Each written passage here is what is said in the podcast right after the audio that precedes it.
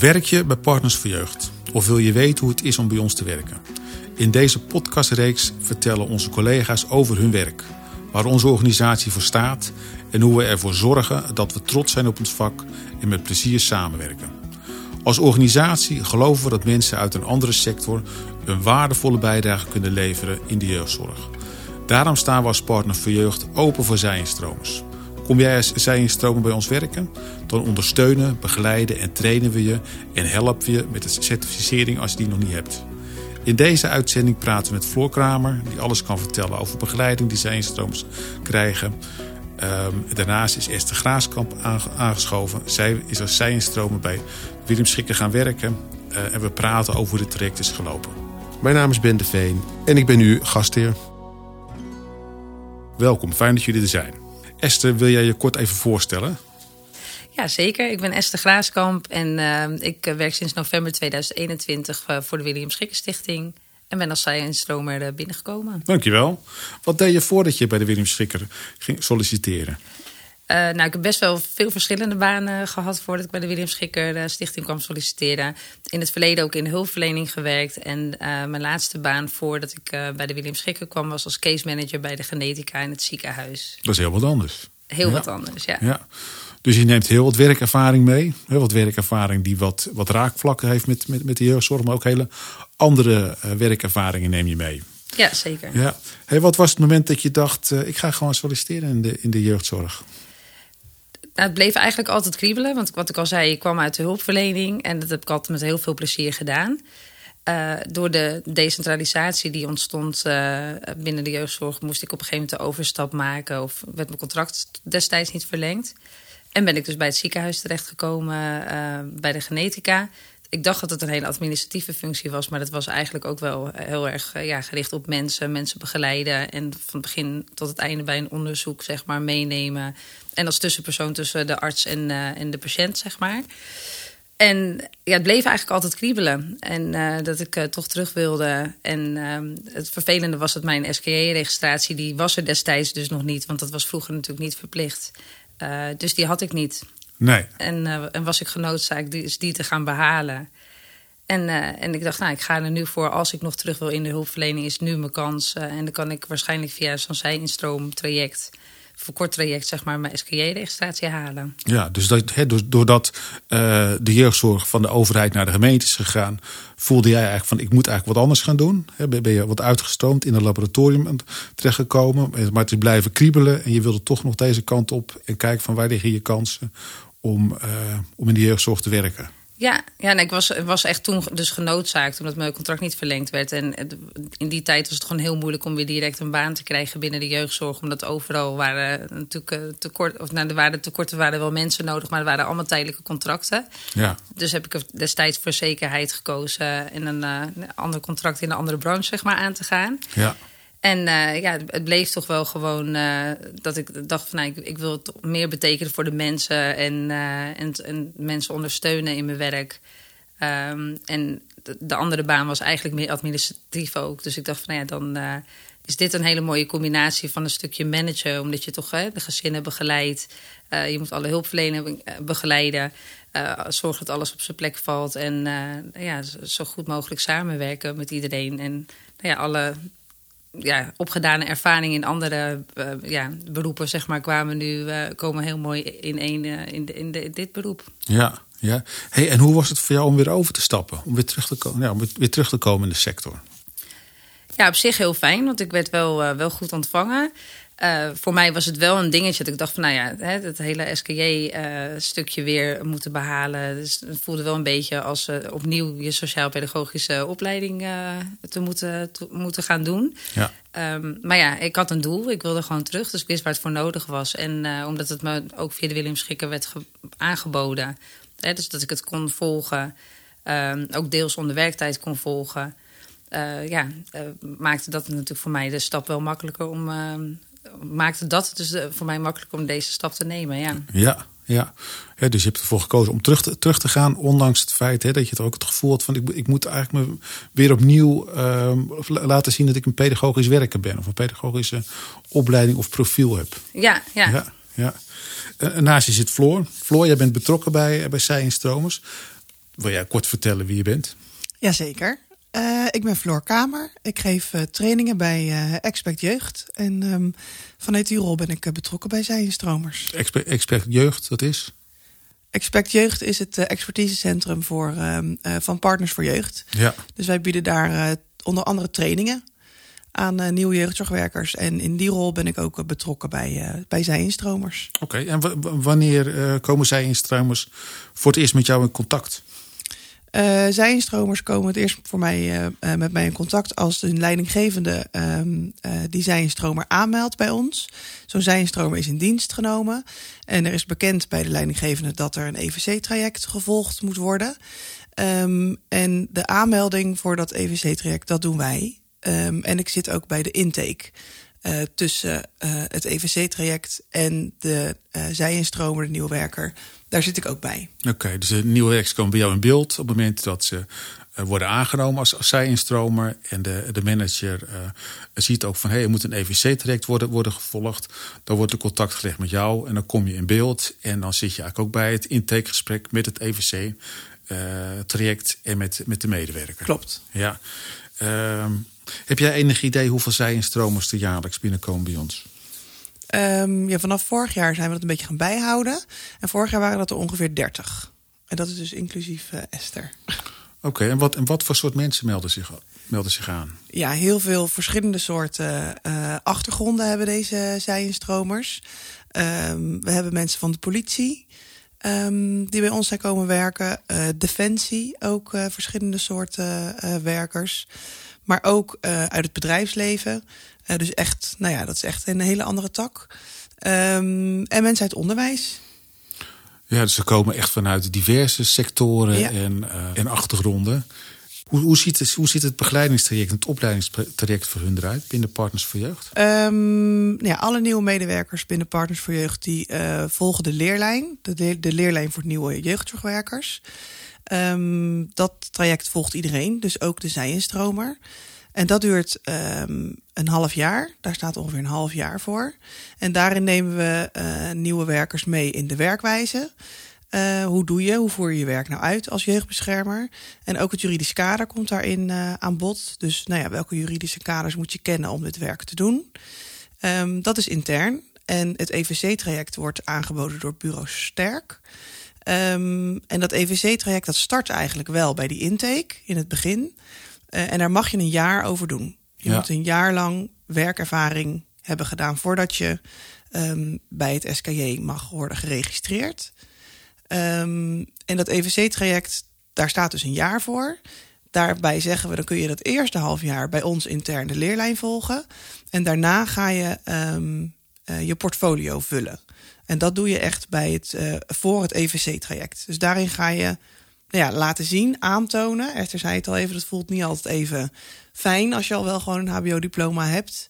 Uh, daarin moet je dus aantonen dat je uh, bepaalde competenties bezit.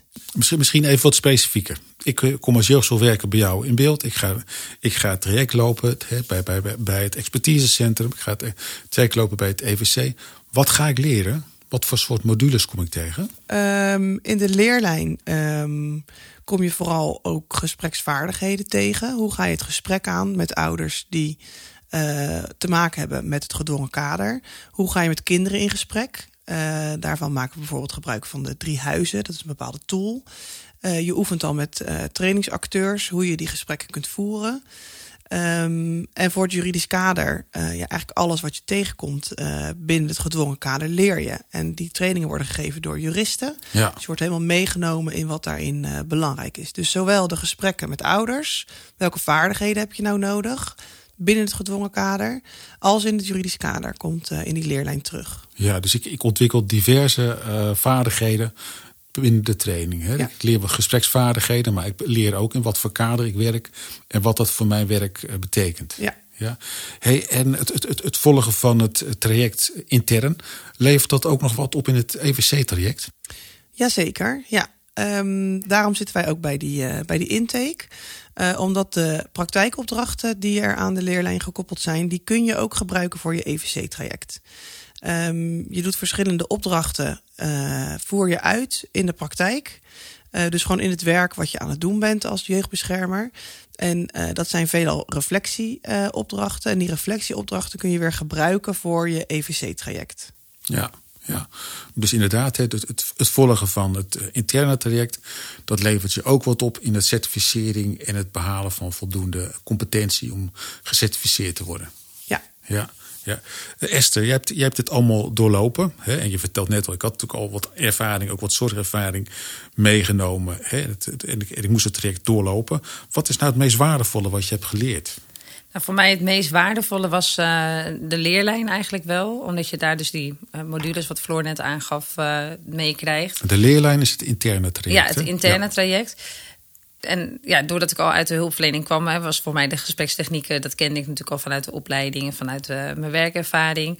Uh, maar wat daar bijvoorbeeld nieuw was, het juridisch kader en uh, hoe, hoe treed ik op ter zitting. Dat is natuurlijk heel belangrijk. We moeten natuurlijk ook naar rechtszaken toe, ja. waar we zelf het woord moeten voeren. En dat was voor mij heel waardevol, dat je gewoon weet van, nou ja, hè, hoe reageer ik als ik het woord krijg van de rechter? wat kan ik wel of niet zeggen? Uh, hè, hoe ben je dan in contact uh, uh, met, met de cliënten, zeg maar, met de, met de mensen die er zeg maar, om tafel zitten? dat je eigenlijk maar twee keer een beurtverdeling krijgt zeg maar, in, de, in de rechtszaak. En dat je daarnaast dus niet mag praten. Dus nou, dat zijn dingen die je natuurlijk meeneemt. En dat vond ik echt heel waardevol. Daar heb ik heel veel van geleerd.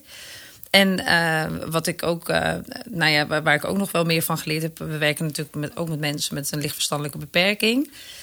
En uh, het werken met birds and pictures was voor mij nog niet, daar nog niet heel veel ervaring mee. En dat is ook een, ja, een soort middel die we gebruiken of kunnen gebruiken uh, in het werken met mensen. En dat vond ik gewoon wel heel ja, waardevol. Hoe je dat kan inzetten, hoe je het kan gebruiken. Dus uh, binnen de gezinnen. En zo eigenlijk meer inzicht bij, bij hun bij hen kan verkrijgen. Ja, jij, je, je, jij vertelt hè, van in het, in het traject heb ik bewust ook training gekregen in hoe kan ik mijn rol pakken hè, op de rechtbank tijdens, tijdens de zitting. Ja. Maar hoe kan ik ook uh, technieken, tools gebruiken, bijvoorbeeld words and pictures hè, als in, in, mijn werk. Uh, kun je wat meer vertellen over hoe die trainingen er dan uitzagen? Uh, ja, het juridisch kader bestond zeg maar, uit meerdere delen. Dus, de, hè, dus inderdaad werd uitgelegd van nou, hoe gaat, uh, hoe gaat zo'n rechtszaak dan. Je gaat uh, in de praktijk zeg maar, ook oefenen met, met een juriste. En dan krijg je dus ook de verschillende rollen. Dus speel je een soort van rollenspellen met elkaar. dus dan is de een op dat moment de rechter, de ander is de, de advocaat en, en de andere de jeugdzorgwerker. Ja, dat, dat is natuurlijk wel een rollenspel, is natuurlijk altijd een geschetste situatie, maar het is wel ja. goed om even te oefenen.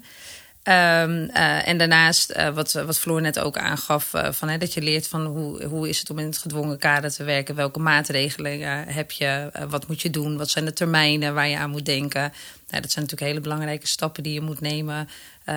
Je, je, moet op tijd zijn, hoe lever je een verzoekschrift aan, hè, wat moet daarin staan, hoe bouw je die op. ja, dat zijn natuurlijk een verslaglegging, heb je ervaring mee, maar niet ja. op, in, ja, zeg maar op juridische gronden. Ja, dus dat is het kader waar je in werkt. Maar ik hoor je ook zeggen, we, we leren ook uh, werken met de cliënt. Hè. We leren met, met, words and pictures te werken, uh, middelen in te, uh, tools in te zetten. Kun je daar wat specifieker over zijn? Hoe, hoe werkt dat dan in zo'n training? Ja, dat, dat, is dus wisselend. Hè. Floor gaf net ook aan uh, bijvoorbeeld de drie huizen. Uh, dat is nou ja, ook uh, een tool die je kan gebruiken. Dus dan leer je ook dat je daar verschillende vormen in hebt. Vragen die je daarbij kan stellen. dus hoe je dat kan opbouwen. En dat je dan bijvoorbeeld kan zeggen van... Nou, je hebt, de, drie, de drie huizen? Ja, de, ja, drie huizen of drie kolommen. Maar de drie huizen kan je zeg maar gebruiken. Dan zeg je tegen een cliënt van... Nou ja, oké, je hebt zeg maar het huis waar... vul me aan, Floor, als ik het niet goed zeg. Van, van waar waar het goed gaat, eh, zijn het huis waar de zorgen zijn, of waar het minder goed gaat, en, en het huis zeg maar, van je dromen. En zo ja. kan je dus in, ja, eigenlijk de zorgen en de krachten uh, op die manier in kaart brengen. En dan maak je een, een tekening of zo? Ja, dat kan je uit. Ja, dat kan je op verschillende manieren doen. Je kan met kinderen dus bijvoorbeeld doen, dus echt door drie huizen te tekenen. Uh, um, of, of iets anders, hè, dat je iets anders afspreekt om te tekenen. Maar dat je het dus zeg maar ook een beetje visueel maakt en daar vul je het in in. Uh, en met ouders kan je het dus doen dus door drie kolommen te maken. En dat je het dan zeg maar uitschrijft. Dus je kan het echt op verschillende manieren gebruiken. Ja. En, en dat, die training heb je het daar dus over. Welke vragen kan je stellen? Hoe, hè, hoe kan je dat gebruiken in de praktijk?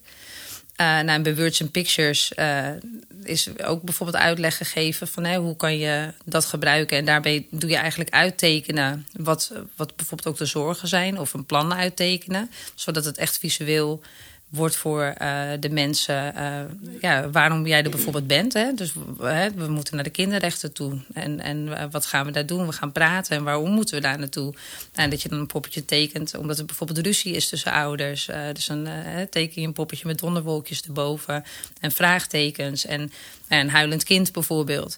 Uh, en zo maak je dus echt zichtbaar voor hun wat, wat de zorgen zijn. Ja. En, uh, en ja, het is leuk om te zien ook in de praktijk uiteindelijk. Ik heb hem uh, onlangs nog in een gezin gebruikt... waarbij de hulpverlening heel moeilijk van, ehm, ja, eigenlijk op gang kwam.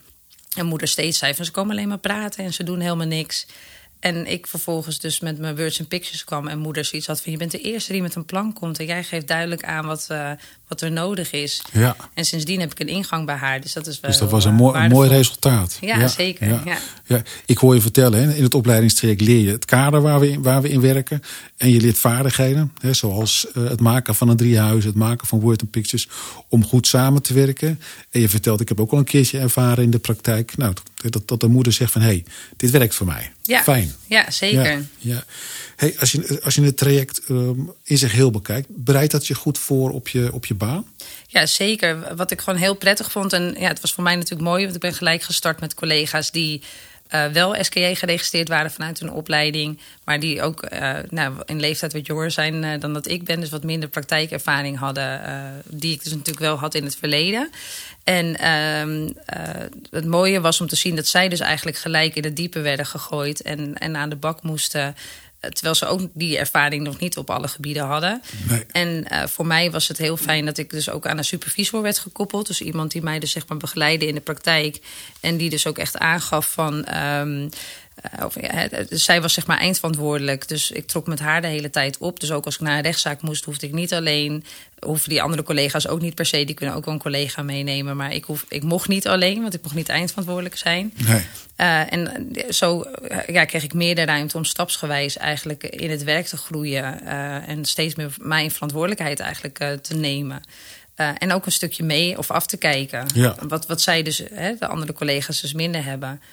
Um, en uh, het was wel ook wel pittig natuurlijk, want je, je hebt en je werk uh, en dan heb je de leerlijn. En zoals Floor aangeeft, hè, dat stukje voor het EVC-traject. En het stukje voor het EVC-traject, uh, ja, wacht niet tot het tweede half jaar. Want het is wel verstandig om daar wel al mee te beginnen, ook al in je eerste half jaar. Dus je moet wel echt kijken van hè, wanneer ga ik wat uitwerken. Ja. Um, ja, en, en Floor zei net van, uh, in principe kan je de dingen die je dus zeg maar leert vanuit de leerlijn, uh, zeg maar ook wel koppelen naar het EVC-traject. Maar dat is meer als bewijsmateriaal. Dus je, ja, je moet casussen schetsen, die moet je helemaal uitwerken voor het EVC-traject. Uh, of tenminste, dat moest ik. En, en daar moest ik dus bewijsmateriaal bij aanleveren van hoe heb ik dat gedaan? Of hoe heb ik gesprekken aangepakt?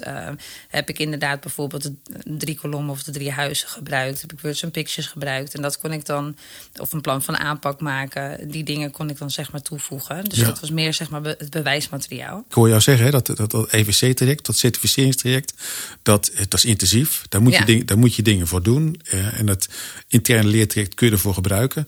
Maar het traject heeft me ook ruimte gegeven om ervaring te doen, op te doen. En onder supervisie ervaring op te doen. eh, om het vak eh, te, te ontwikkelen en eh, goed aan te kunnen pakken. Ja, ja dat klopt helemaal. Ja.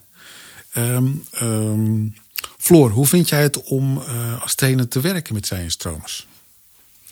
Uh, ja, dat is heel leuk. Um, ze zijn, uh, ja, heel veel nieuwwerkers zijn heel gemotiveerd. maar um, zij-stromers zijn uh, vaak wel nog gemotiveerder, omdat ze die keuze gewoon heel bewust maken. Het is natuurlijk wel, het, het vergt ook wel durf om vanuit een andere sector die stap te maken.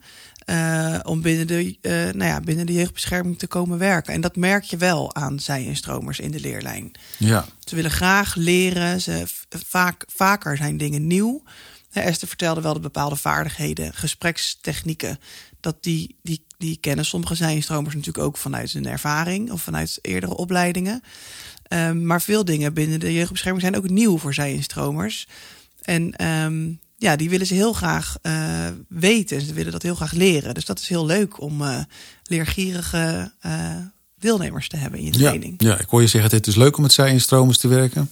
Ze maken die, die keuze vaak bewust. En hè, je ziet ook je ziet veel, veel motivatie en leergierigheid om het vak te, te ontwikkelen. Ja. Of een hele, om, die overstap is bewust gemaakt. Ja, ja. Um, verrassen ze jou ook nog tijdens de training? Ja, ja. ja zij-instromers kunnen ook uh, kritische vragen stellen. Hè? Als je al in het, nee, niet uit het vak komt, maar je hebt hiervoor iets gedaan waarin je wel werkt met jeugdbeschermers, dan weet je al wel een beetje wat het vak inhoudt. Dat is voor sommige zij-instromers natuurlijk helemaal niet. Dan is het vak helemaal nieuw. Nee. Dus dan kun je ook gewoon kritische vragen krijgen waarvan je denkt: oh ja, dat is. Ja, waarom doen we dat eigenlijk zo? Dus ja. dat brengt ook weer leuke dynamiek in de, in de training. Ik hoor jou eigenlijk zeggen, doordat ze een andere achtergrond hebben, vanuit, kunnen ze vanuit een ander perspectief ook Ja. weer naar het werk Ja. kijken. En daardoor wel hele verrassende vragen stellen. Ja. En ook maken dat je zelf weer na gaat denken van waarom doen we de dingen eigenlijk zoals we dat doen. Ja. Ja. Esther, je bent, je bent nu ruim een jaar verder. Hoe bevalt het je nu? Ja, het bevalt me ja, ontzettend goed. Ik heb het heel erg naar mijn zin.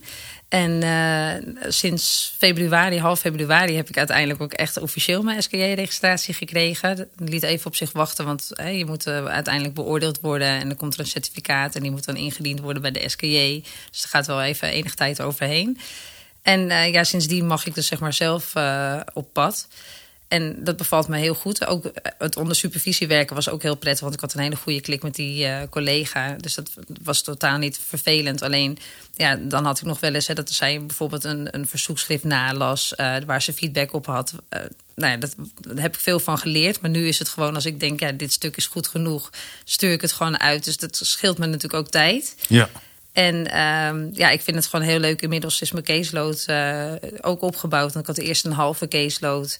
Eh, omdat ik dus daarnaast dat leertraject en het EVC-traject had. Dus qua uren, dat ik zo zeg maar die verdeling had. En nu ja, heb ik gewoon eh, een volle caseload die je moet draaien. En eh, ja, ben ik vol aan het werk. Ja, ja, ik hoor je zeggen, ik vind die zelfstandigheid fijn. Het was leuk om onder supervisie te werken.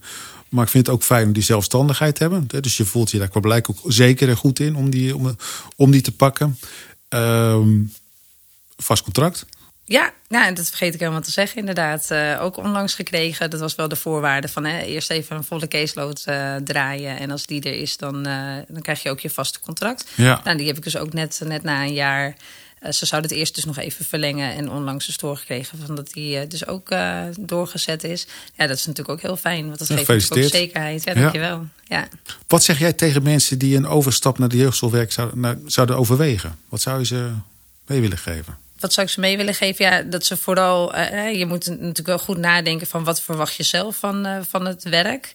Ehm, eh, ik denk dat het heel belangrijk is om wel bij jezelf stil te staan. Wat is je motivatie? Hè? Want de wereld verbeteren of veranderen, dat, dat, is niet, dat gaat je niet lukken. Nee. Je kan een, een mooie bijdrage leveren, maar soms hebben mensen die eh, visie erbij. Maar dat, dat, ja, zo mooi is het eh, helaas niet, eh, niet altijd.